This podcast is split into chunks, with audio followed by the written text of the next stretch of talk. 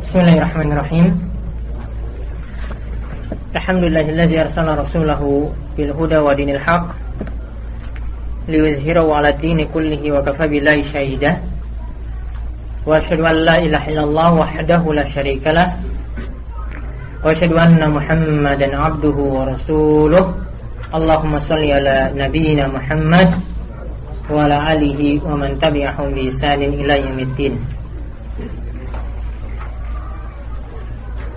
Baik Bapak Ibu-ibu yang semoga selalu dirahmati oleh Allah Subhanahu wa taala. Kita saat ini melanjutkan kembali kajian pembahasan bid'ah tadi. Mudah-mudahan sekitar setengah jam 30 menit atau mungkin kurang kita bisa menyelesaikan beberapa pembahasan lagi. Sebenarnya pembahasan bid'ah kalau kita mau rinci lebih jelas itu uh, sangat banyak yang ingin dibahas namun sini kami mengutarakan poin-poin penting saja agar bisa dipahami. Selanjutnya kita akan melihat e, berbagai alasan sebagian orang dalam membela bid'ah. Ada beberapa alasan sini yang disampaikan nanti akan kami uraikan. Kemudian yang kedua masih tersisa pembahasan tentang tingkatan hukum bid'ah. Ya, tentang tingkatan hukum bid'ah ada yang tingkatannya lebih besar, lebih parah, ada tingkatannya itu yang di bawahnya. Jadi tidak semua itu sama rata. Ada yang sampai kekafiran dan seterusnya. Kemudian yang terakhir saya tutup dengan pembahasan dampak atau bahaya bid'ah yaitu bagi amalannya maupun pelakunya. Kalau di makalah di poin terakhir itu ada di halaman terakhir saya sampaikan tentang ada saya tulis niat baik semata belum cukup.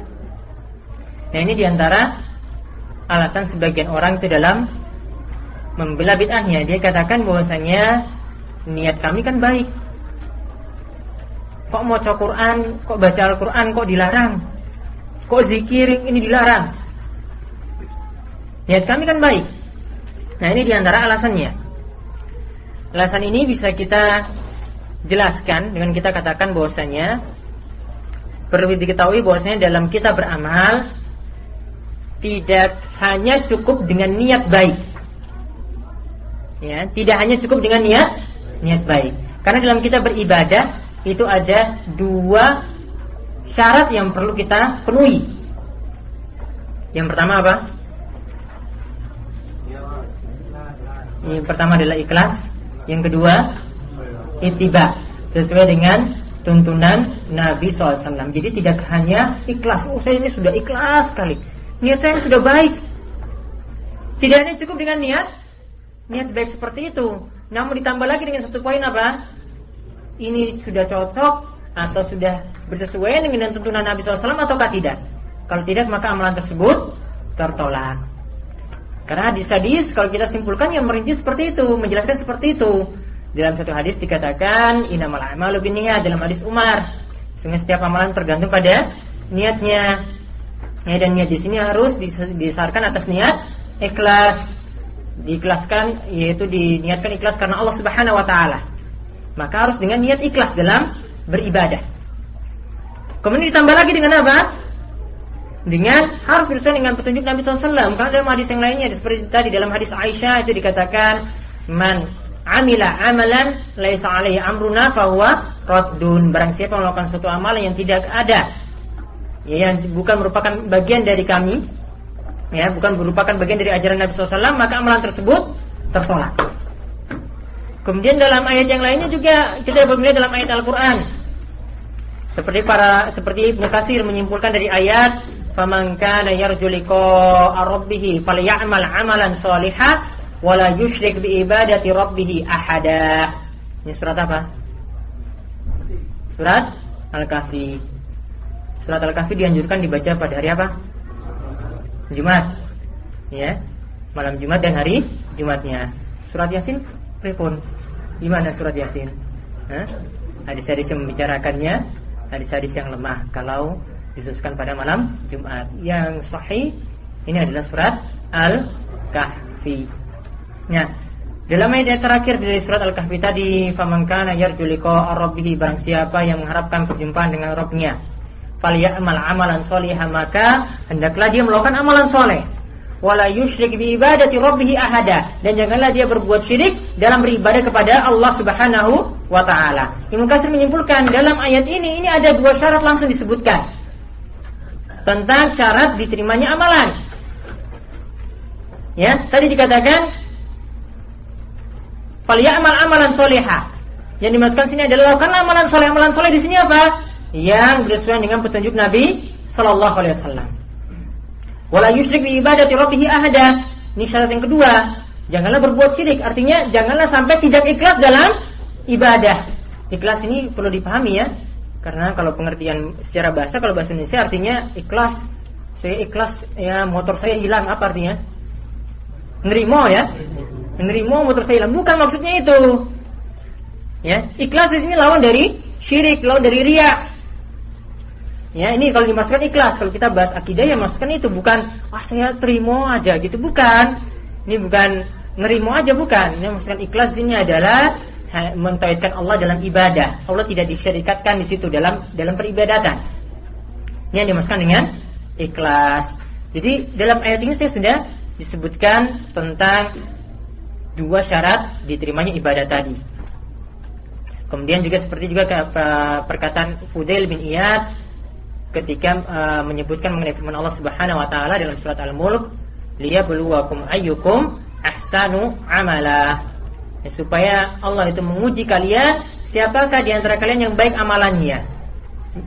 Fudail bin Iyad kemudian mengatakan yang dimaksudkan sini adalah akhlasuhu wa aswabuhu yaitu dimaksudkan yang paling baik amalannya adalah akhlasuhu yang paling ikhlas. Wa aswabuhu dan yang paling benar yaitu apa yang paling mencocoki tuntunan Nabi Shallallahu alaihi wasallam. Jadi dua syarat sekaligus. Fudail bin Iyad juga pernah pahami demikian. Bagaimana yang pahami oleh Ibnu Katsir tadi ketika menyimpulkan ya tentang uh, firman Allah Subhanahu wa taala dalam akhir surat Al-Kahfi. Jadi tidak cukup dengan intinya di sini kesimpulannya tidak cukup dengan niatan baik dalam beramal. Tidak cukup kita kata tidak cukup orang itu katakan niat saya itu baik. Karena kalau demikian, ya ini sampai diperingatkan juga seperti ketika Ibnu Mas'ud melewati ada sekelompok jamaah yang membentuk lingkaran ya mungkin di sebagian tempat juga ada yang bentuknya seperti ini bentuk lingkaran ya. Kemudian nanti ada dikomandoi oleh satu orang dia sebut ya tahlil ya. Baca la ilaha illallah kemudian nanti jamaah la ilaha illallah la ilaha illallah terusnya seperti itu. Mungkin sebagian masjid kalau di daerah saya dulu di Irian ini masih seperti ini. Jadi ketika selesai sholat lima waktu ada yang mimpin dulu. Sebelum bubar setelah salam assalamualaikum nanti imam pimpin. Ya dia ucapkan subhanallah baru jamaah mulai subhan subhanallah subhanallah subhanallah imam ucapkan alhamdulillah baru Jamaah baru alhamdulillah alhamdulillah. Ucapkan Allahu akbar pun Allahu akbar. Yang hampir dengan ini. Itu ada orang yang membentuk lingkaran kemudian bertakbir, berta, bertahlil, bertahlil, kemudian bertasbih dengan cara yang tidak pernah diajarkan oleh Rasulullah SAW. Kemudian Mas'ud itu kemudian mengatakan fa'uddu sayyi'atikum fa dhaminun alla yadi'a min hasanatikum syai' Itulah dosa-dosa kalian dan aku jadi domin, aku jadi penjamin bahwa setiap apa pun yang kalian lakukan, kebaikan yang kalian lakukan itu tidak akan hilang. Kemudian wayahkumu ya ummat Muhammad ma'asra halakat halakat halakatakum. Ya. Celakalah kalian. Ini ringkasnya, maknanya wahai umat Muhammad begitu cepat kebinasaan kalian. Kemudian Ibnu Mas'ud mengatakan, "Haula'i sahabatun Nabiikum sallallahu mutawafiruna." Yaitu lihatlah bahwasanya mereka sahabat Nabi kalian itu masih ada, masih hidup. Kemudian wahadi siyabuhu dan ini ya baju Nabi SAW lam tabla wa aniyatuhu lam tuksa. Ini baju Nabi SAW ini masih ada, tidaklah usang. Artinya dengan masa kenabian itu masih dekat. Kemudian bejana beliau pun lam tuksar, ya masih utuh, tidak pernah pecah. Kemudian Ibnu Mas'ud mengatakan wallazi nafsi biyadi innakum la'ala millatin hiya ahda min millati Muhammad au muftatihi babi dolalatin kemudian Masud mengatakan demi yang jiwaku berada di tangannya apakah kalian berada dalam suatu ajaran atau agama yang lebih baik daripada ajaran Nabi SAW daripada ajaran Nabi Muhammad SAW kemudian ataukah kalian itu ingin membuka pintu kesesatan? Kemudian orang-orang tadi itu mengatakan kepada Ibnu Mas'ud Wallahi ya Abu Abdurrahman. Nama kunya dari Abdur dari Ibnu Mas'ud Abu Abdurrahman ma aradna illa al-khairah. Wahai Abu Abdurrahman, mereka berkata kepada Ibnu Mas'ud, kami tidaklah menginginkan kecuali kebaikan. Artinya niat kami ini baik. Alasannya sama, niat kami itu apa? Baik. Lalu Ibnu Mas'ud mengatakan, wa kami muridin lil khairi la yusibah. Betapa banyak orang yang menginginkan kebaikan, namun mereka itu tidak mendapatkannya. Niatannya baik. Tapi karena tidak sesuai dengan petunjuk Nabi SAW, maka amalannya itu jelas ke keliru.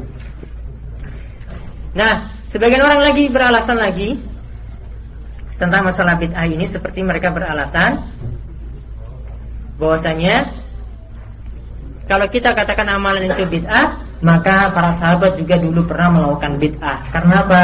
Mereka itu mengumpulkan Al-Qur'an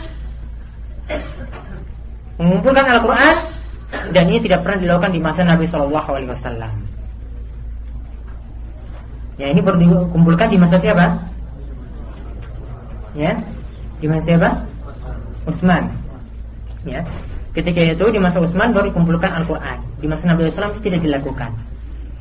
Maka kita bisa menyanggal ini dengan kita menjelaskan mengenai ini yang biasa dijelaskan oleh para ulama yang disebut dengan maslahah mursalah. Yang disebut dengan apa? Maslahah mursalah. Masalah itu artinya suatu kebaikan ya. Jadi masalah kalau menurut para ulama itu katakan masalah itu ada tiga macam. Ada masalah mu'tabarah. Artinya masalah masalah yang teranggap. Ya, masalah yang dianggap oleh syariat. Artinya di hukum itu ada. Karena didukung oleh dalil dari Al-Quran, dari hadis, dari ijma ataupun kias. Intinya di sini ada dalilnya. Ini disebut dengan mas maslahah mu'tabarah. Kemudian yang kedua adalah maslahah mulghah.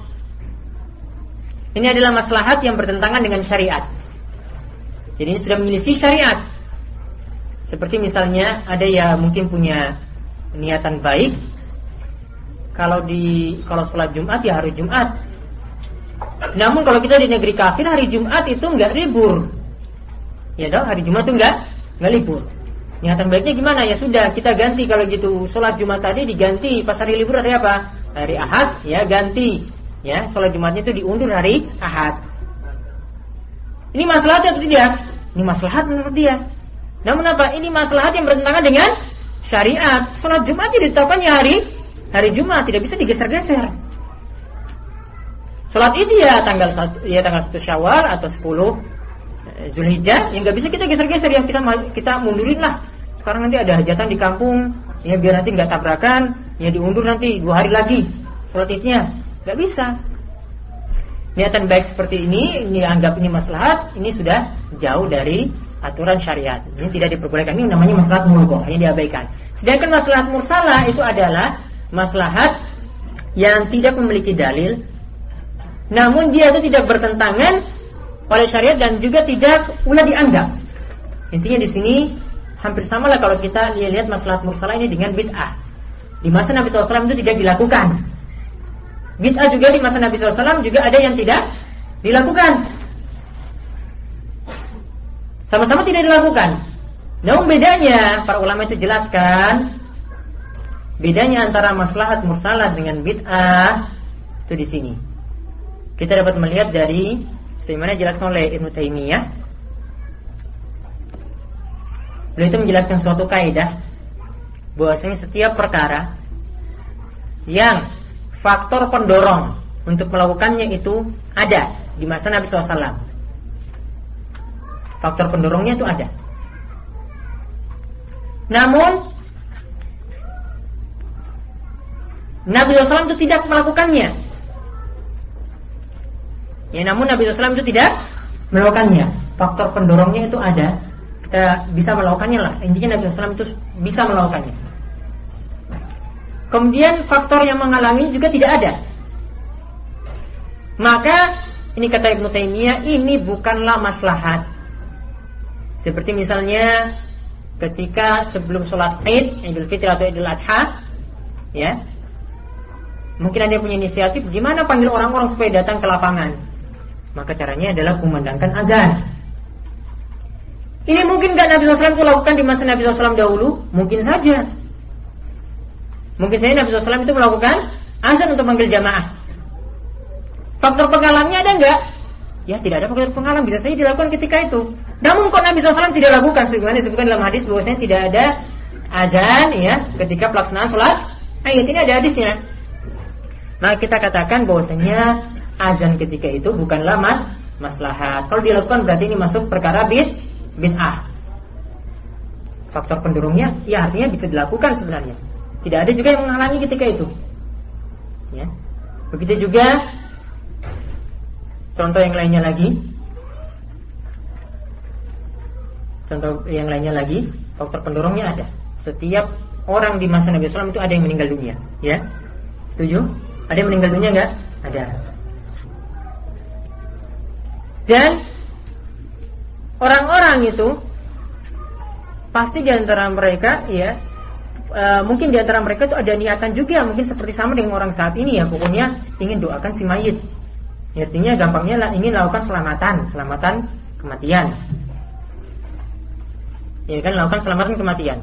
Faktor penurunnya ada karena ketika itu banyak orang mati ketika itu juga sama. Banyak juga yang mati syahid kemudian faktor penghalangnya juga Ya tidak ada yang sebenarnya menghalangi. Namun kenapa di masa Nabi SAW tidak ada yang pernah meyasinkan si meyasinkan Nabi SAW, tidak ada yang pernah meyasinkan Abu Bakar, tidak ada yang pernah meyasinkan Umar. Maka kalau seketika itu pada ada faktor pendorong bisa saja dilakukan. Tidak ada juga yang menghalangi. Maka kalau ada yang melakukan berarti apa? Itu bukan maslahat. Itu termasuk apa? Bid'ah. Para ulama juga punya kaidah di dikatakan oleh Nukasir ketika menafsirkan surat Al-Ahqaf ayat 11 ya law khairan la sabaquna ilaihi seandainya perkara ini baik tentu ya yaitu para sahabat ini ketika itu Ibnu katakan ini tentang uh, perkataan ini adalah muncul ketika ada orang yang melakukan suatu perbuatan di mana para sahabat tidak pernah melakukannya. Makanya Ibnu Katsir katakan laukana khairan la sabaquna ilaihi. Seandainya perkara itu baik, maka tentu mereka para sahabat itu lebih dahulu melakukannya daripada kita kita ini. Karena kita ketahui bersama bahwasanya para sahabat itu lebih semangat dalam melakukan kebaikan. Banyak orang yang mati ketika itu kok, tapi tidak ada yang menyasinkan, tidak ada yang baca tahlil ketika itu. Ya, maka untuk saat ini juga itu bukan suatu maslahat. Kemudian Ibnu Taimiyah katakan, namun jika ada faktor pendorong ketika itu. Namun faktor pendorongnya itu belum muncul. Ya, belum muncul untuk melakukannya, melakukan amalan tersebut. Dan ada faktor penghalang. Sehingga baru dilakukan setelah Nabi SAW itu wafat. Seperti misalnya apa? Seperti misalnya mengumpulkan Al-Quran. Perlu nggak Al-Quran itu dicatat? Ya, perlu. Namun untuk saat wahyu itu turun, ya kalau dicatat ya nanti ada lagi. Yang meninggal apa? Diakhirkan saja. Tunggu Nabi SAW itu meninggal dunia baru apa? Dicatat kan lebih selesai kan lebih jadi Al-Quran seperti saat ini. Makanya ketika Nabi SAW itu hidup, ya ini belum ada tuntutan seperti itu. Karena wahyu masih terus turun sampai Nabi SAW itu wafat. Maka untuk masalah seperti ini seperti turunnya uh, seperti pembukuan Al-Qur'an. Begitu juga pembukuan kitab-kitab hadis. Ya. Faktor pendorongnya baru muncul setelah Nabi SAW itu ada. Al-Quran itu perlu dibukukan bentuk jadi mushaf supaya kita itu mudah membaca mungkin dikasih harokat lagi nggak pakai huruf gundul. Kalau gundul semua nanti salah baca.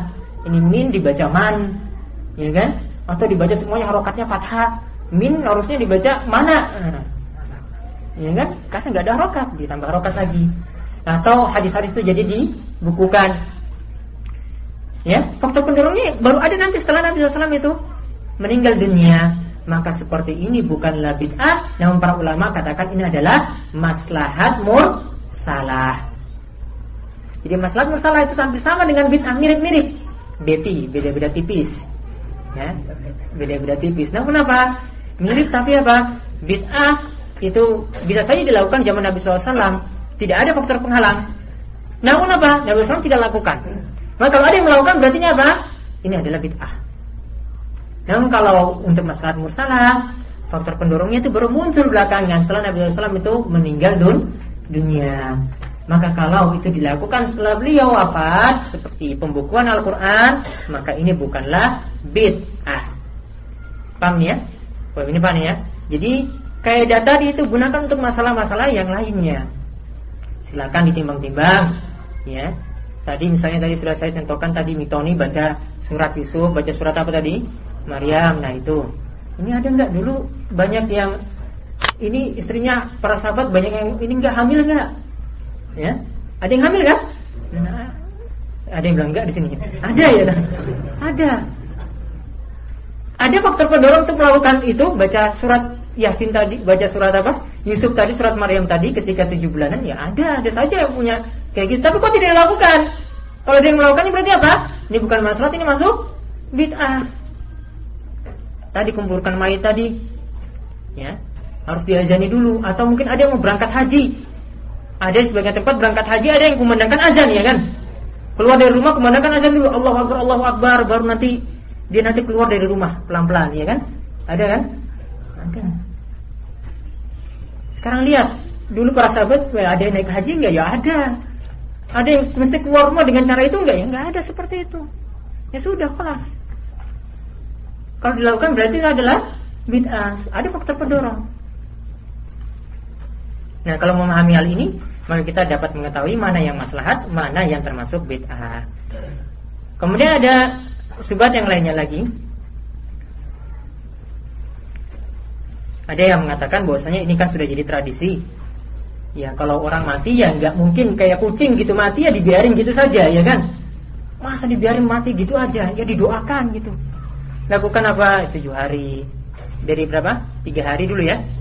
Ya tiga hari. Terus tujuh terus empat puluh terus seratus terus seribu. Habis itu pas, pasang apa di kuburannya ditaruh apa di situ? Pitching ya jujur aja tahu. Padahal dalam mazhab Syafi'i ya. Kan Indonesia kan mazhab Syafi'i. Mazhab Syafi'i itu dalam kitab-kitab fikihnya kalau dibahas kitab sholat jenazah dibahas di kitabul janaiz itu terangkan kubur itu nggak boleh dikasih semen, tidak boleh diberi bangunan di atasnya. Ini fikih Syafi'i ini. Jadi Syafi'i itu lainnya kayak gitu. Kok bilang mazhabnya Syafi'i tapi kuburannya kok jadi kasih kijing pada hari ke seribu? Dalilnya di Cuma ngikut aja alasannya kan. Ini makanya sebagian orang beralasan ya kayak tadi. Ini kan sudah jadi tradisi. Oh dari turun temurun ya. Ya pokoknya kalau orang mati ya seperti ini tradisinya. Kasih tiga hari, tujuh hari, empat puluh hari, seratus, terus nyewu, seribu. Alasannya dengan, dengan tradisi. Maka kita jawab bahwasanya kalau beralasan dengan tradisi seperti itu, ini hampir mirip dengan alasan orang-orang musyrik dahulu. Orang musyrik dahulu, ya alasannya itu sama. Ini tradisi bapak-bapak, nenek atau nenek moyang kami, simbah kami, buyut kami. Mereka beralasan di antaranya seperti firman Allah Subhanahu wa taala surat Az-Zukhruf ayat 22, "Inna wajadna aba ana ala ummatin wa inna ala atharihim muqtadun." Sesungguhnya kami itu mendapati bapak-bapak kami, simbah-simbah kami dulu menganut ajaran seperti ini. Ya, dan sekunya kami itu mengikuti jejak-jejak mereka. Jadi warisi tradisi yang ada. Sama juga seperti jawaban ketika kaum Ibrahim itu ditanya oleh Ibrahim. Ibrahim itu tanya sama kaumnya dan ayahnya juga. Isqala li abihi wa qawmihi ma hadhi tamasilul lati antum laha akifun. Ingatlah ketika Ibrahim itu berkata kepada bapak dan kaumnya, ya, Hazi tamasil, patung-patung apakah ini? Yang kamu itu tekun beribadat kepadanya, itikaf di depannya. Itikaf ini seperti orang yang main catur nongkrong depan catur, nongkrong yang terus diam, yang terus mikir ya kan. Ini dari ini saya ingat ketika uh, para ulama itu membahas hukum catur, mereka dalilnya itu di antara ini perkataan Ali bin Abi Thalib tapi mirip dengan ayat ini. Abi Thalib itu lihat Ali bin Abi Thalib lihat orang yang main catur dia bilang hampir mirip dengan ayat ini. Ya, apa yang kamu perbuat dengan tamasil tadi? Ya kan e, catur kan bentuknya apa? Patung-patung ya kan? Ada kuda, ada apa lagi? Benteng kan, ada pentrinya, ada sternya ya kan? Bentuknya seperti itu. Kayak patung-patung berhala ya kan? Nah, dikatakan itu apa kalian ini itikaf di depan patung-patung tadi? Ya, itikaf depan patah-patah jadi mikir gimana nih bikin skak gitu loh. Satu langkah dua langkah langsung skak mati. Ya. Atau skak ster sekaligus. Ya kan? Nah di sini maka dari dalil itu dari perkataan Ali bin Abi Thalib tadi para ulama ya tidak bolehkan permainan catur. Apalagi sampai lebih-lebih sampai melalaikan dari hal yang wajib. Ya. Namun intinya mayoritas mereka katakan permainan catur tidak dibolehkan. Alasan yang tadi ya dari perkataan Ali bin Abi Thalib yang mirip dengan ayat ini. Nah, ketika Ibrahim ditanyakan kepada bapaknya dan juga kaumnya, kemudian mereka malah menjawab, "Qalu wajadna aba'ana laha 'abidin." Kami bisa nyembah patung-patung tadi itu karena apa? Ya, kami mendapati bapak-bapak kami, nenek moyang kami, simbah kami, mbah buyut kami yang nyembah itu ya kami juga ikut sembah. Alasan juga sama apa? Tradisi. Jadi kalau alasannya tradisi seperti ini ya sama seperti alasan orang musyrik. Apa-apa alasannya bu ini tradisi ya diwariskan, masa tradisi kalian mau binasakan? Kalau setiap malam satu surah ya harus keliling-keliling benteng ya, keliling ya. Nanti kalau ada yang istilahnya kan nanti ada tumpeng ya kan, biasanya di Jogja Solo, nah itu kan sudah kenal sekali. Tumpeng atau enggak kebo Kiai Selama tuh keliling yang kemudian keluaran kotoran ya itu di ini tradisi kotorannya itu diambil ini barokah ini berkah. Kumpul taruh di lemari taruh di tempat jualan nanti Insya Allah nanti uh, jadi barokah penjual yang lain dia, nanti pembeli-pembeli itu malah nanti laris jualan kita. Tradisi syirik diwariskan juga sama juga untuk masalah seperti tadi bid'ah juga kadang alasannya seperti tradisi-tradisi tadi. Intinya sini tradisi sebenarnya tidak dilarang. Ya, yang dilarang itu yang menyelisih syariat. Kita punya budaya gotong royong, saling membantu, ya. Ya monggo kita lestarikan. Hari Ahad, hari Minggu, ya biasa gotong royong lah bersih parit, bersih ini. Itu kan bersih-bersih ya, itu hal yang biasa. Ini bisa dilestarikan, nggak ada pertentangan sama sekali dengan dalil. Ya, bahkan Nabi SAW katakan atuhur syatrul iman yang namanya kebersihan itu uh, kesucian itu bagian dari iman dan kebersihan adalah adalah kesucian. Jadi dibersihkan gotong royong untuk bersih-bersih seperti tadi ya tidak ada larangan sama sekali. Ini tradisi gotong royong ini tradisi yang bisa diwariskan selama tidak bertentangan. Namun kalau sudah menyelisih bahkan kalau sampai menjurus pada tradisi syirik ya ini tidak boleh kita lestarikan. Jadi bukan kita berarti ini apa membinasakan atau menghabiskan budaya sama sekali tidak, yang menyelisih jauh saja. Dengan tradisi-tradisi yang baik masih tetap kita anut. Kemudian kalau ada yang beralasan lagi ini sudah jadi tradisi orang banyak, ini sudah dipegang oleh orang banyak, gitu. Kalau tadi naik moyang, tapi ini semua orang Indonesia ya kayak gitu. Pak Kiai mau Ustadz, ya, semuanya itu melakukan acara-acara atau ritual tadi maka kita jawab adalah Allah Subhanahu wa taala berfirman, "Wa in tuti aktsara man fil ardi yudilluka an sabilillah." Jika kalian itu mentaati, menuruti kebanyakan orang di muka bumi ini, maka niscaya mereka itu akan menyesatkanmu dari jalan jalan Allah. Yang kita diajarkan adalah ya ikuti kebenaran. Jadi standar kebenaran itu bukanlah orang orang banyak kebenarannya kebenaran itu sendiri. Makanya sampai Ibnu Mas'ud mengatakan tentang jamaah yang kita mesti berpegang teguh dengannya. Ibnu Mas'ud mengatakan al jama'atu ma wafaqal haq wa in kunta wahdak. Yang namanya jamaah itu adalah yang bersesuaian dengan kebenaran walaupun engkau itu bersendirian. Maka engkau lah yang disebut ya al-sunnah wal jamaah, engkau lah jamaah. Ya, jadi standar kebenarannya bukan dilihat dari banyak banyak orang. Seandainya kamu sendiri yang berpegang teguh dengan kebenarannya, itulah yang kamu pegang. Jadi tidak perlu menuruti orang orang banyak. Kemudian ada kerancuan lagi atau subah terakhir lagi yang sering disampaikan. Biasanya itu beralasan bahwasanya kalau kita tidak boleh baca Al-Quran tadi Baca Yasin kok dilarang Zikir ini kok dilarang Tahlil kok dilarang Ya Maka Kita katakan bahwasanya Perlu kita pahami lagi satu kaidah dalam masalah bid'ah Yang disebut dengan bid'ah idofiyah Dan bid'ah hakikiyah Bid'ah hakikiyah dan bid'ah idofiyah Bid'ah hakikiyah itu adalah bid'ah yang tidak ada dasarnya sama sekali. Jadi tidak ada dalilnya sama sekali. Secara hakiki itu murni bid'ah. Kalau bid'ah idofiyah, namanya saya idofi, artinya ada tambahan. Dari sisi itu ada amalan ibadah. Ada dalilnya. Namun dari sisi lain, itu tidak ada tuntunannya. Maka seperti kalau orang lakukan tadi, ya, yang dibaca adalah surat Yasin Ya, surat Yasin itu surat yang bagus enggak? Al-Quran atau tidak? Al-Quran. Baik enggak baca Al-Quran? Ya baik. Namun masalahnya apa? Kan dikhususkan di sini bacanya pada hari ke-7, pada hari ke-40, pada saat orang mati. Jadi bukan bacaan Al-Quran yang kita salahkan Namun apa? Ritualnya tadi Kenapa dikhususkan pada hari-hari tersebut Itu yang dipermasalahkan Inilah yang disebut dengan bid'ah idofiyah. Yang dari satu sisi disebut bid'ah, dari sisi lain itu adalah ada amalan ibadah. Namun karena dikhususkan pada waktu tertentu atau tempat tertentu, waktu tertentu, tempat tertentu, dengan tata cara tertentu, ya, ini yang jadi masalah. Asalnya Al-Quran tidak pernah kita protes, ya. Bahkan kalau kita menghafal surat Yasin ya bagus, di dalamnya diajarkan tauhid, di dalamnya itu diajarkan mengingat kematian dan seterusnya. Tidak ada masalah. Yang masalahnya itu jika surat Yasin ini yang dibaca pada hari tertentu tadi. Pada ritual khusus selamatan kematian. Ini tidak ada dalilnya sama sekali. Jadi bukan bacaan Al-Quran yang kita larang.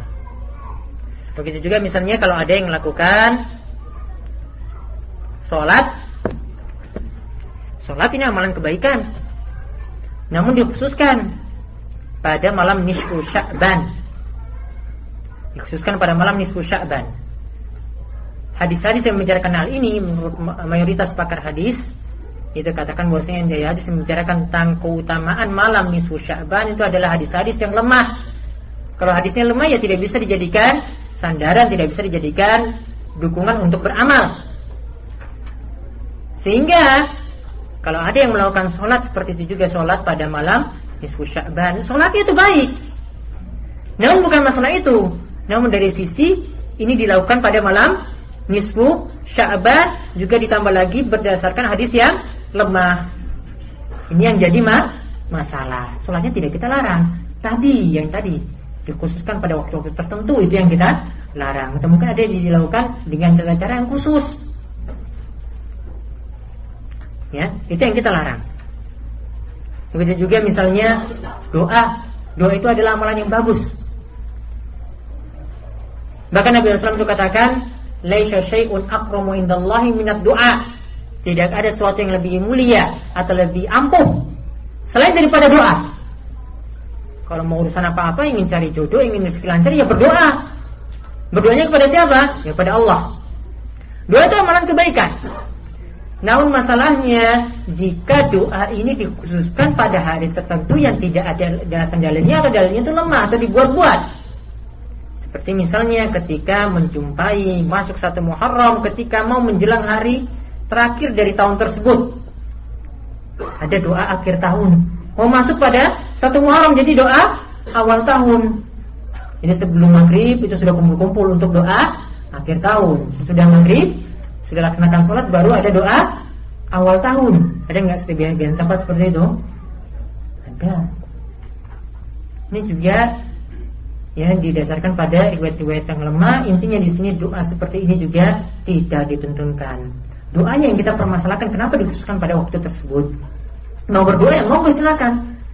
Masalahnya di sini dikhususkan pada akhir tahun dan awal tahun. Nah, ini yang, di, yang, yang dipermasalahkan. Kemudian selanjutnya kita melihat tentang masalah bertingkatnya dosa bid'ah. Jadi bid'ah tadi seperti saya singgung, bid'ah itu tidak berada dalam satu tingkatan. Bid'ah itu kalau dibagi oleh Imam Syatibi, beliau membagi bid'ah itu sampai empat tingkatan. Yang pertama adalah bid'ah yang menyebabkan kekafiran. Ada bid'ah yang membuat kafir. Seperti apa? Bid'ahnya orang munafik. Ya, bid'ahnya orang munafik. Begitu juga bid'ah yang dilakukan orang-orang jahiliyah yang telah diperingatkan oleh Al-Quran sebagaimana Allah Subhanahu wa taala berfirman waja'alu lillahi mimma wal an'ami nasiban faqalu hadza lillahi bi wa li syurakaina yaitu dan mereka memperuntukkan bagi Allah satu bagian dari tanaman dan ternak yang telah diciptakan Allah lalu mereka berkata sesuatu dengan persangkaan mereka ini untuk Allah dan ini untuk berhala-berhala kami. Kata mereka seperti itu Nah ini adalah bid'ah yang dilakukan oleh orang-orang jahiliyah dan juga tadi ada bid'ah dari orang munafik. Ini adalah bid'ah yang menyebabkan kafir. Kemudian di bawahnya lagi adalah bid'ah yang termasuk maksiat dan tidak menyebabkan kafir. Ini seperti bid'ah yang dilakukan oleh orang Khawarij. Sebagian ulama ada katakan khawarij itu kafir. Yang kalimat Syatibi enggak. Kemudian bid'ah qadariyah. Penolak takdir. Atau bid'ah murji'ah. Ini adalah dinilai sebagai suatu kemaksiatan dan tidak menyebabkan kafir. Begitu juga dengan bid'ahnya firqah-firqah golongan-golongan sesat yang masih Islam. Kemudian tinggalan ketiga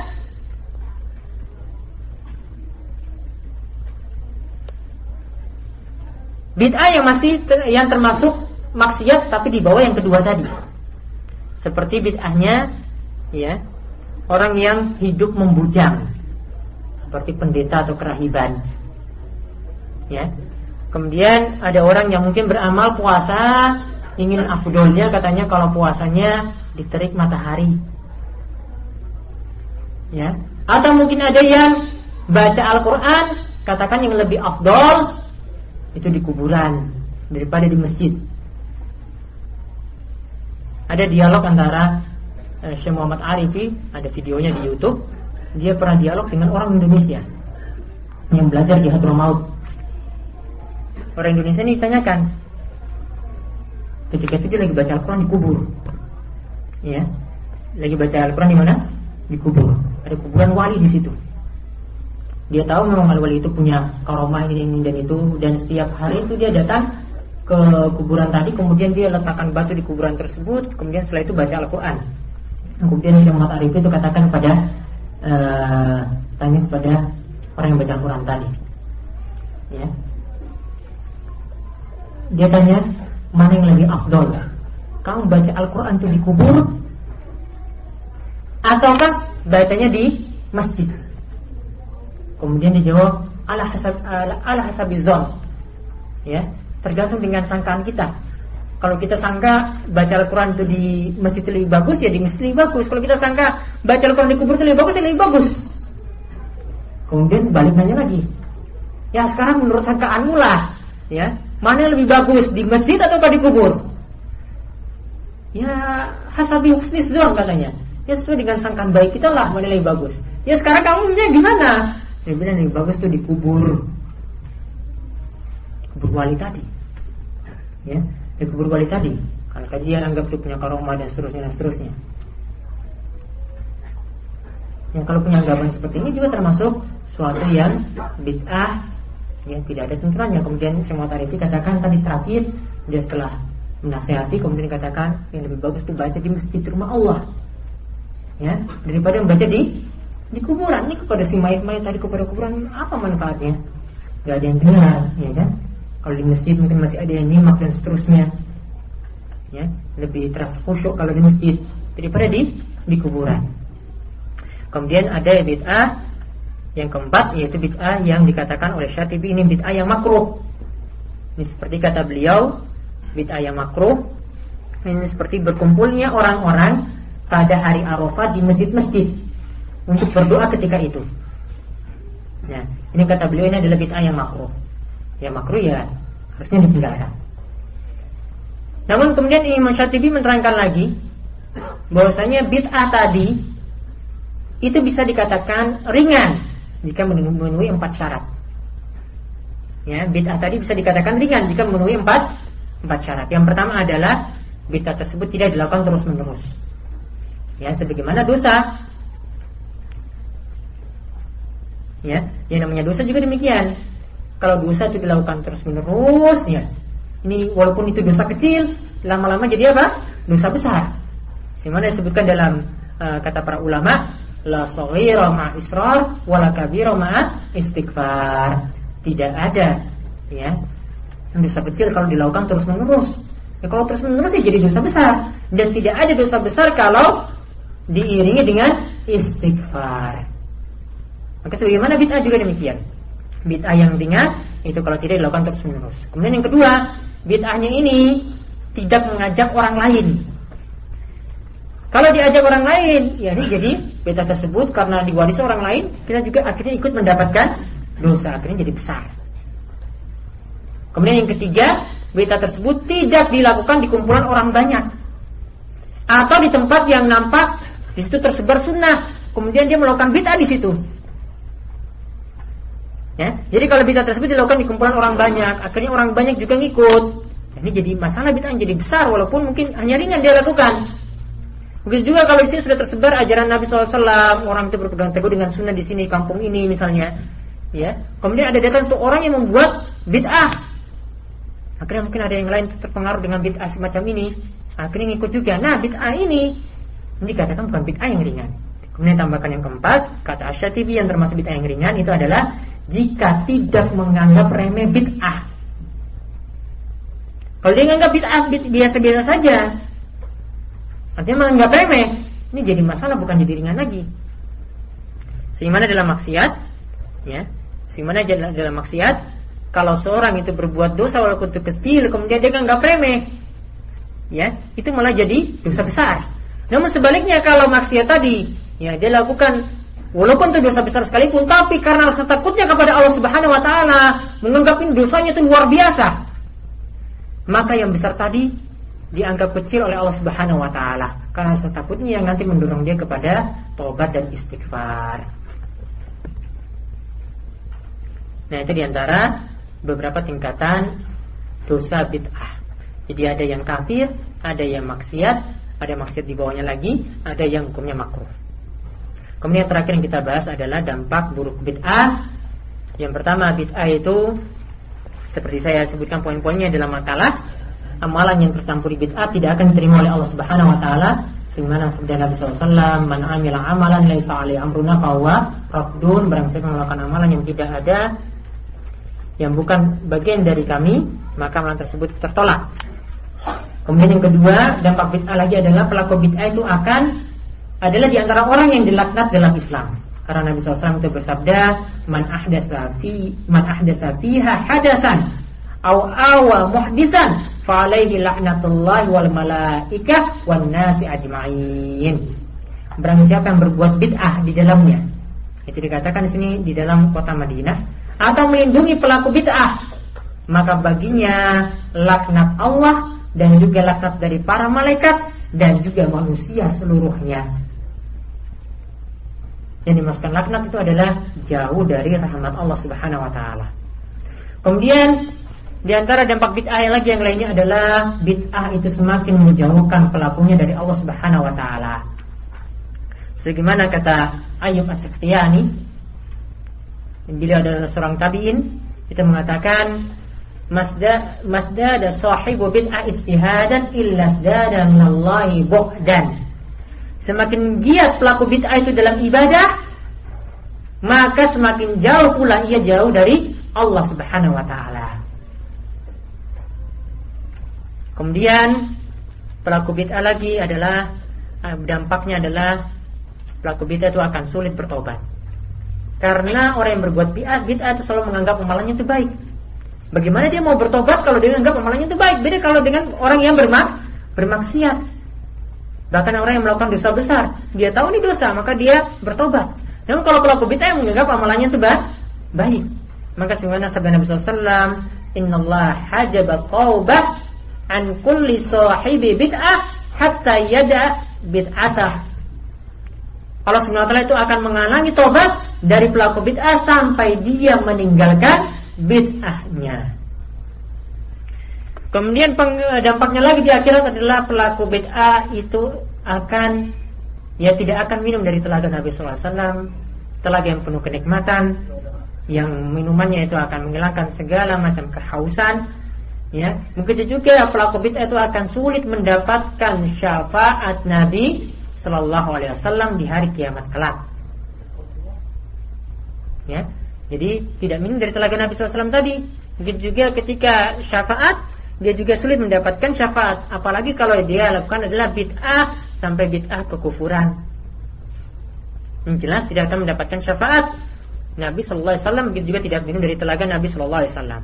Dan yang menyatakan hal ini di antaranya adalah yaitu sabda Nabi SAW ana faratukum alal haudhi la yurfa'anna ilayya rijalun minkum hatta idza ahwaitu liunawilahum ukhtalifu duni fa aqul ay rabbi ashabi yaqulu la tadri ma ahdatsu ba'dak Aku akan mendahului kalian yaitu di al-haud yaitu telaga Nabi SAW di hari kiamat Dinampakkan di hadapanku berapa orang di antara kalian. Lalu ketika itu aku akan mengambilkan minuman untuk mereka dari al-haud dari telaga tadi. Mereka kemudian dijauhkan dariku, kemudian aku lantas berkata, "Wahai Allah, wahai Rabbku, ini adalah umatku." Kemudian Allah SWT itu berfirman, ya, "La tadri ma ahdatsu ba'dak." Engkau itu tidak tahu bahwasanya mereka itu telah berbuat bid'ah setelah engkau itu hidup. Akhirnya mereka apa tadi? Tidak bisa menikmati telaga Nabi SAW Tidak bisa minum dari telaga Nabi SAW tadi Begitu juga yang namanya pelaku bid'ah itu sulit mendapatkan syafaat Nabi Sallallahu Alaihi Wasallam. Ya sebagaimana disebutkan dalam hadis hampir sama dengan cerita tadi, ya, yaitu Ala wa inna awwalal khalaiq yuksa yaumil qiyamah Ibrahim alaihissalam. Semuanya manusia pertama yang diberi pakaian pada hari kiamat adalah Ibrahim alaihissalam. Kemudian ala wa innahu sayuja'u birijalin min ummati dan ingatlah bahwa nanti akan ada sekelompok dari umatku. Ini berarti masih muslim. Ya. Yang dihalau di ke sebelah kiri. Maka kutanyakan yaitu Nabi SAW bertanya kepada Allah Subhanahu wa taala, "Ya Rabbi, ashabi ini adalah sahabatku yaitu pengikutku jadi masukkan sini bukan sahabat Nabi SAW yang hidup dengan Nabi SAW dahulu bukan ini maksudnya adalah pengikutku karena kalau kita katakan masa sahabat Nabi kok nggak dapat syafaat ya, jadi yang tepat sini dalam arti ini ya Robi ashabi ini adalah wahai Robku ini adalah pengikutku ini adalah umatku kemudian fayuqal Kemudian Allah Subhanahu wa taala itu berfirman, "Innaka la tadri ma ahdatsu ba'dak." Ya, engkau tidak tahu ya bahwasanya mereka telah berbuat bid'ah sesudahmu. Ini tentang masalah syafaat. Dia pelaku bid'ah sulit mendapatkan syafaat Nabi SAW juga. Kemudian yang ketujuh, wajah pelaku bid'ah pada hari kiamat itu jadi hitam kelam. Yaitu sebagaimana firman Allah Subhanahu wa taala, "Yauma tabyaddu wujuhu wa taswaddu wujuh." Pada hari itu ada muka putih, ada muka seorang itu ada yang putih berseri dan ada muka yang hitam muram, hitam kelam. Di antara tafsirannya Ibnu Abbas itu mengatakan bahwasanya yang dimaksudkan sini ketika wajah alusuna wal jamaah ketika itu itu putih berseri. Namun pelaku bid'ah wajah alu bid'ah itu sebaliknya wajah mereka adalah hitam legam, hitam kelam. Ini juga bahaya bagi yang menimpa pelaku bid'ah di hari kiamat kelak. Kemudian yang kedelapan bid'ah kalau semakin dihidupkan itu akan mematikan sunnah akan semakin ya orang itu tidak akan mengenal sunnah Nabi SAW ajaran Nabi Sallallahu Alaihi Wasallam. Seharusnya ketika misalnya ketika orang mati, orang yang di antara kerabat kita meninggal dunia, itu sebenarnya ada beberapa amalan yang bisa nyampe kepada si mayit. Yang ini berdasarkan dalil. Tidak bisa kita pukul rata untuk setiap amalan. Amalan yang sampai ke, kepada mayit seperti kita mengajikan orang tua yang meninggal dunia ini akan sampai. Kemudian di antaranya lagi adalah bersedekah di atas nama si mayit ini akan nyampe. Kemudian lagi yang akan nyampe lagi adalah kalau ada utang nazar, puasa nazar dilunasi oleh kerabatnya, ini juga akan bermanfaat untuk si mayit. Begitu juga yang bermanfaat lagi adalah anaknya itu sendiri. Ya, anaknya itu sendiri. Karena Allah Subhanahu wa taala berfirman, "Wa laisa lil insani illa ma Dan tidaklah manusia itu mendapatkan sesuai yang kecuali yang dia usahakan. Dan Nabi SAW mengatakan wa waladuhu min kasbihi dan anaknya itu adalah hasil dari usahanya. Artinya di sini kalau tadi dikatakan tidak ada yang bermanfaat kecuali hasil usaha orang orang yang sudah mati itu sendiri, ya. Anak ini adalah hasil usaha dari orang tua. Jadi tanpa anak tersebut itu niatkan untuk kirim pahala kepada si mayit, kepada bapaknya, kepada ibunya, maka pahala tersebut dengan sendirinya itu bisa mengalir. Karena apa? Anak itu hasil usaha dari orang orang tua. Namun sunnah ini jadi ditinggalkan. Gak ada yang tahu tentang ajaran ini. Yang tahunya ya kumpul-kumpul orang baca yasin, baca tahlil. Si anak tadi nongkrong di belakang malah mungkin main kartu. Lelean sampai pagi. Sunnah ini nggak tahu. Ini ajaran Nabi SAW ini nggak tahu. Yang dihidupkan adalah bid'ah. Sunnah tadi akhirnya mati. Coba kalau anaknya itu jadi soleh anaknya. Ya, anaknya itu rajin baca Al-Quran, anaknya itu rajin menjaga sholat, walaupun dia tidak niatkan untuk orang tuanya itu bermanfaat. Ya, ini bukti bahwasanya kalau bid'ah itu sudah dihidupkan, tadi sunnah atau ajaran Nabi SAW itu bisa jadi itu mati atau ada yang tidak mengetahuinya. Sehingga di sini katakan oleh Ibnu Abbas, ma'ata 'alan nasi 'amun illa ahdatsu fihi bid'ah. Setiap tahun itu ada saja orang yang membuat bid'ah. Wa amatu fi sunnah. Kemudian bid'ah pun mati, kemudian sunnah pun mati. Hatta tahyal bid'ah wa tamutu sunnan. Wa tamutu sunan. Sampai bid'ah itu yang jadi hidup, malah sunnah atau ajaran Nabi SAW itu yang malah mati. Maka bid'ah ini bisa mematikan sunnah. Kemudian yang terakhir, ini yang perlu kita ketahui bahwasanya dikhawatirkan orang yang berbuat bid'ah itu mati dalam keadaan su'ul khatimah. Kok bisa demikian? Ini dikatakan oleh Asyatibi. Beliau katakan bahwasanya pelaku bid'ah itu adalah orang yang terjerumus dalam dosa dan maksiat dan bermaksud kepada Allah Subhanahu wa taala. Ya, kita tidak katakan dia dosa besar atau kecil, namun kalau dia itu melakukan bid'ah terus menerus, itu sama dengan orang yang berbuat dosa terus terus menerus. Maka kalau dia melakukan terus menerus seperti ini, maka seperti diterangkan oleh para ulama seperti Abdul Haq Al Isbili, beliau katakan bahwasanya sungguh sul khotimah itu tidak mungkin menimpa orang yang secara lahir dan batin itu baik agamanya. Namun apa? Ini akan menimpa orang yang artinya dia mendapati akhir hidup yang jelek sul khotimah ini bagi orang yang rusak akidahnya Termasuk juga orang yang terus menerus dalam berbuat dosa. Kalau bid'ah dia lakukan terus menerus berarti dia lakukan dosa terus menerus. Maka suluh khotimah itu lebih mungkin padanya daripada ya orang yang ya tidak berbuat bid'ah.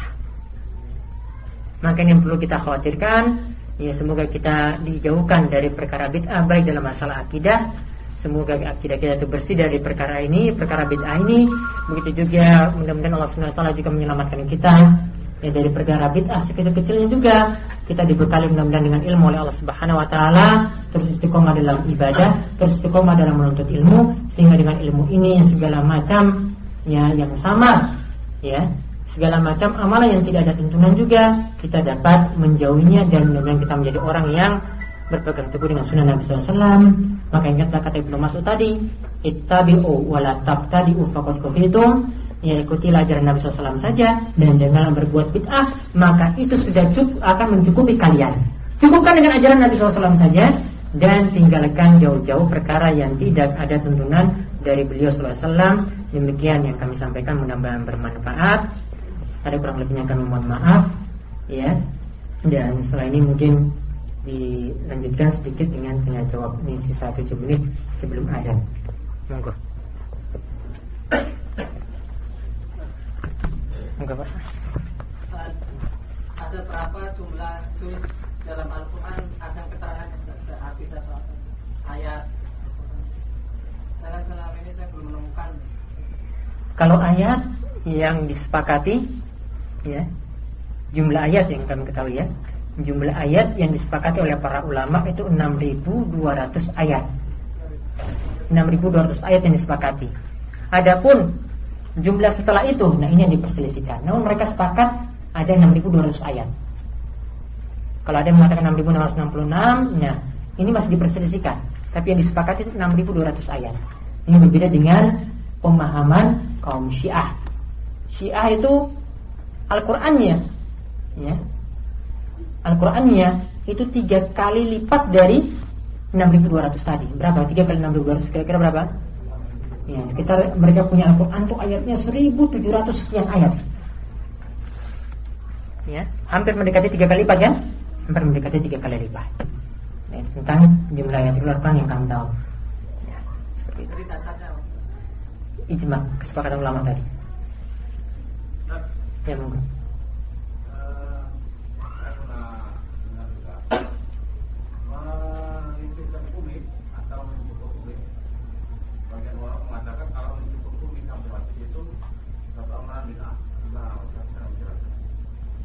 Baik. Baik tentang masalah uh, kumis ini apakah dicukur habis ya ataukah cukup ditipiskan saja yang jelas di sini kalau kumis sudah sampai menutupi mulut, ya jangan dipelihara gitu ya. Artinya dikur. Kalau sampai mulut ya kalau makan ya jadi sulit. Ya nanti sopnya ya mampir sini, susunya ya mampir di kumisnya juga jadi kelihatan kotor. Nah ini di diperselisihkan tadi, ya mencukur habis ataukah membiarkan ya cuma ditipiskan saja ini diperselisihkan yang mengatakan tadi bahwasanya kalau dicukur habis dari adalah bid'ah itu adalah perkataan Imam Malik. Jadi Imam Malik tidak menyukai orang yang mencukur kumis sampai habis. Ya, mengatakan itu bid'ah. Ya, mungkin bisa dimaknai maksud bid'ah di sini ya bisa bid'ah yang tercela juga, ya. Itu pengalaman beliau. Insya Allah pendapat yang tepat tentang masalah ini dan ini juga pendapat yang lebih hati-hati kumis itu tidak dibiarkan uh, tidak dicukur sampai habis. Artinya dia disisakan sedikit, ya, artinya ditipiskan saja, jangan sampai dicukur habis. Karena tadi mengingat ada perkataan sebagian ulama tadi seperti Imam Malik yang mengatakan adalah bid'ah. Allah Allah, kami bisa jawab kita seperti itu. Yang lainnya? Kalau mau puasa itu pertengahan puasa itu kan di sering ada kunut kunut apa? Kalau pada sholat apa? Kunut doa kunut. Kunut ketika apa? Witir apa? ah tarawih terwitir berarti ya. nyambutnya itu kan ini pak. Dikasih apa makanan anak-anak mau ngumpul di masjid didoain itu gimana didoain ketika itu ya makanannya makanannya hmm. mau nyambut kunutan nanti malam di oh. tengah bulan puasa itu nah, kan doa bekat kumpul masjid doa doain orang Makan-makan ya itu masalah adat gitu ya. Makan-makan masalah adat ini artinya dihukumi seperti hukum adat yaitu dibolehkan. Namun masalahnya ini kalau ini dicampur ke dalam masalah ibadah. Ini berarti kan dikhususkan ya kan? Kemudian ada didoakan lagi ketika itu. Ini bukan jadi masalah yang dibolehkan lagi, ini sudah jadi masalah kata Musyatibi kalau sudah campur dengan ibadah, ini sudah jadi bid'ah. Kemudian tentang kunutnya tadi, kalau menurut mazhab Syafi'i, ya kunut itu dianjurkan setelah 15 hari ya, ya pertengahan bulan Ramadan, bukan dari awal. Namun pendapat yang tepat tentang masalah ini seperti pendapat uh, dari Syekh Abdul Aziz bin Bas, ini kunut itu bisa dilakukan setiap saat, ya, pada saat sholat witir. Yang kita bahas sholat witir, kunut witir ya, bisa dilakukan setiap saat.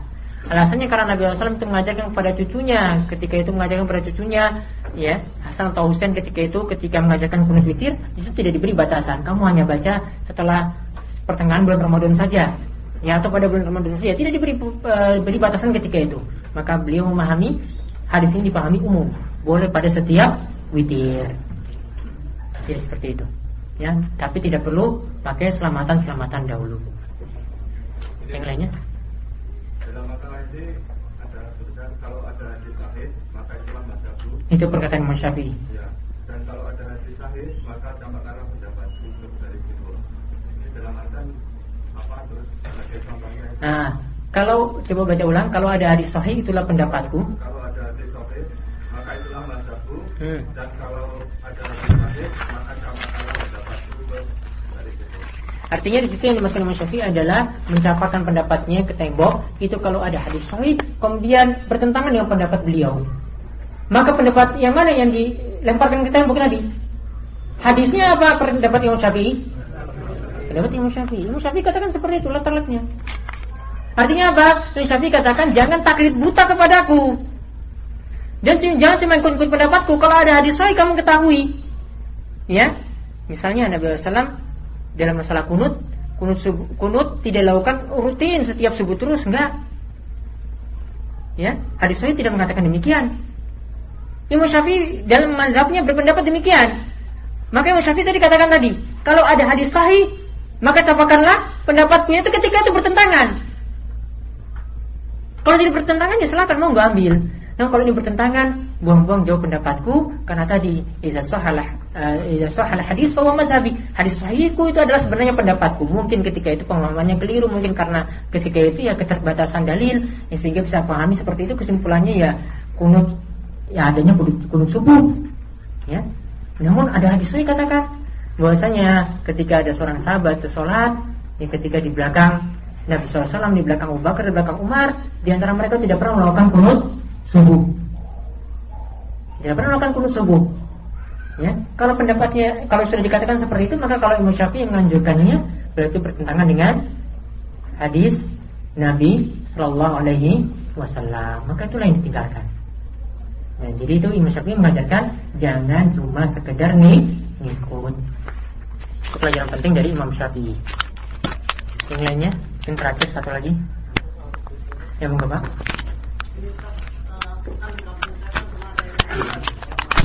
Nih. Hari keberapa?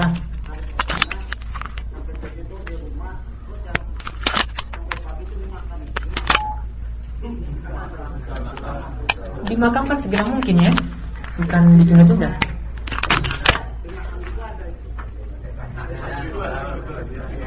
Tahlilannya sampai makamkannya tadi, makamkannya tadi. Tapi sudah dimakam, ya. Cuma dijaga aja sampai dalam mazhab Syafi'i. Ya, silakan nanti dilihat di kitab Matan Goya Takrib. Ya, ini Matan Abi Suja. Ini biasa dipakai di kalangan Syafi'i. Begitu juga beberapa kitab Syafi'i yang lainnya. Itu katakan ketika dalam kitabul Janais ya bahwasanya yang namanya takziah kita datang untuk ke rumah si mayat itu kan ingin mendorong dia supaya ini dihibur ya supaya bersabar itu namanya takziah takziah itu tidak boleh lebih dari tiga hari. Ini mazhab syafi'i. Tidak boleh lebih dari tiga hari. Kecuali mereka terangkan kecuali kalau pada perkara-perkara tertentu ya keluarga korban itu masih terus di mungkin keluarganya itu mati ya dalam keadaan mati yang tidak wajar. Mati bunuh diri misalnya. Semua pada sedih. Bukan hanya tiga hari lebih daripada itu. Maka mereka katakan ya boleh ketika itu dihibur terus ya lebih daripada tiga hari nggak apa-apa namun asalnya itu harus tiga hari setelah itu tidak boleh karena alasannya apa karena setelah tiga hari itu biasanya kesedihannya itu sudah hilang kalau orang datang lagi ke, ke tempat tersebut untuk takziah lagi. Kesedihannya lagi diperbarui lagi, malah tambah sedih lagi. Padahal tadi sudah lupa, sudah sudah hibur, sekarang sudah bisa hidup normal, sudah bisa masak. Ditambah lagi, datang hari ke-7 lagi, datang hari ke-40 lagi, datang hari ke-100 lagi, sampai nyewu. Ingat terus. Gimana Syafi'i kok nggak paham fikih Syafi'i ya kan? Itu. Ya, jadi kurang tepat. Jadi yang dilakukan masyarakat kita yang menyelisih fikihnya sendiri gitu. Jadi kalau mau sapi yang mazhab sapinya yang benar, yang cuma asal ikut-ikutan tradisi orang banyak. Demikian yang kita sampaikan mudah-mudahan bermanfaat. Ada kurang lebihnya kami mohon maaf. Subhanakallahumma bihamdika, asyhadu an la ilaha illa anta astaghfiruka wa atubu ilaik. Wa sallallahu ala nabiyyina Muhammad wa ala alihi washabihi ajmain. Walhamdulillahi rabbil alamin. Assalamualaikum warahmatullahi wabarakatuh.